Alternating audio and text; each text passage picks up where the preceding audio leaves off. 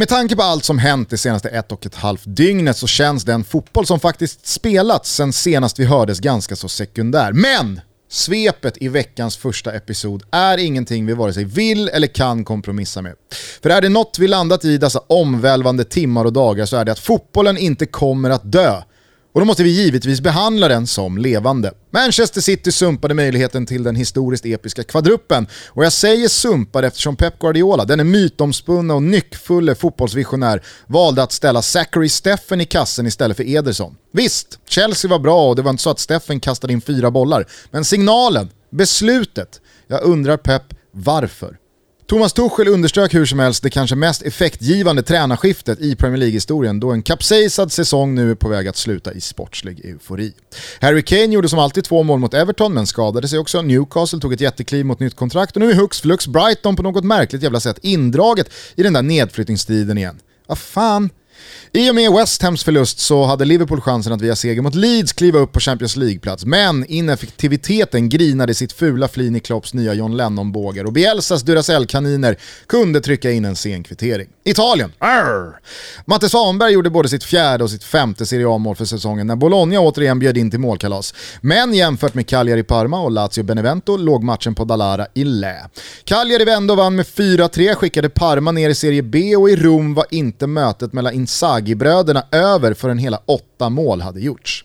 Roma kraschlandade givetvis mot Toro, Milan gnetade till sig en trea mot Genoa, Malinowski hoppade in och sköt med matchens enda mål Atalanta till sin första hemmaseger mot Juventus på 20 år och i Neapel kändes båda lagen ganska nöjda med varsin pinne. Inters segertåg stannade på 11 matcher medan Napoli knep en poäng som kan visa sig oerhört viktig i kampen om topp 4. Spanien då?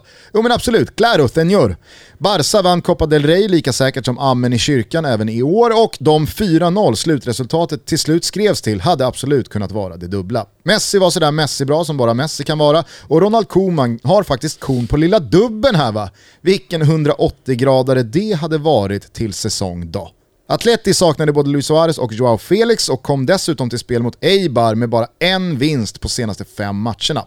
Således blev jag mäkta imponerad av Cholo Simeones mannar där de kraftsamlade och gjorde 5-0 på tabelljumbo. Men om Atleti saknade två av sina bästa spelare, vad gjorde då Real Madrid? De regerande mästarnas sjukstuga bryter mot alla coronarestriktioner i världen och innehåller bland andra Sergio Ramos, Eden Hazard, Fede Valverde, Rafa Varan, Dani Carvajal, Ferland Mondi och så var givetvis Casemiro avstängd som lök på laxen. Bensen och Krosen fick slutkörda sitta kvist och flipp-flopp, vips ja hopp så fick marängerna slita hund för att klara 0-0 mot Getafe. Hoppla! Är det rent av smygläge på Sevilla här? Ny vändning till seger borta mot Isak Sociedad och nu är faktiskt Lopetegis gäng bara 6 poäng bakom, med Real kvar att möta och Atleti Barca i den 35 omgången. Mm, ja, Toto hissade i alla fall miniflaggen här. Tysken, äh, Leipzig tog inte Bayerns hand när de bjöd upp till dans utan nu är det sju pinnar igen och den stora silvriga skölden kommer återigen dränkas i Weissbier på Allianz i München.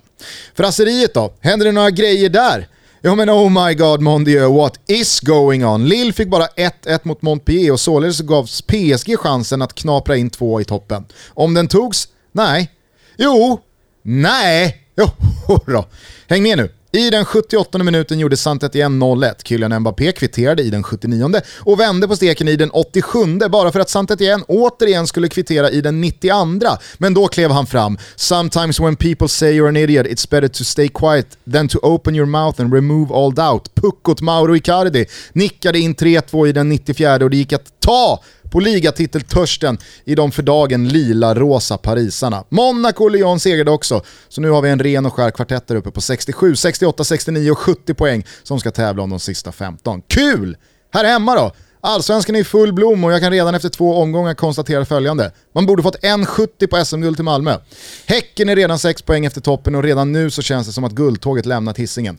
Diffen är inte glamorös eller vackra, men de är tunga och de är effektiva. I toppen för att stanna tror jag. Degen, jag säger inget nu så har jag inget sagt. Bayern är på banan, Ludvigsson kanske den oömmaste anfallare jag sett sen Henke Bertilssons dagar och Amo, den lilla säkerhetsboxen, han ser ut att bli catching för de grönvita. Blåvitt Gnaget, äh, men så fint det ändå var, trots mitt underspel på kolbenet. Att se Kolbein Siktorsson sänka sina gamla lagkamrater och IFK Göteborg, ja men de tycker jag faktiskt imponerade med sin stabilitet. Det är som vi tidigare varit inne på inte någon fotboll av framtiden eller nöjesindustrin som Rolle Nilsson står för, men håller man nollan och vinner matcher så tror jag ganska många runt England är ganska ganska jäkla nöjda. Marek Hamsik gjorde sin debut och den som vill vrida och vända på det inhoppet till någon slags uppvisning får fan kämpa länge. Han såg precis så machotränad ut som han är och det var som han själv sa efter matchen, viktigt att bara få några minuter. Det kommer, det kommer. Kalmar!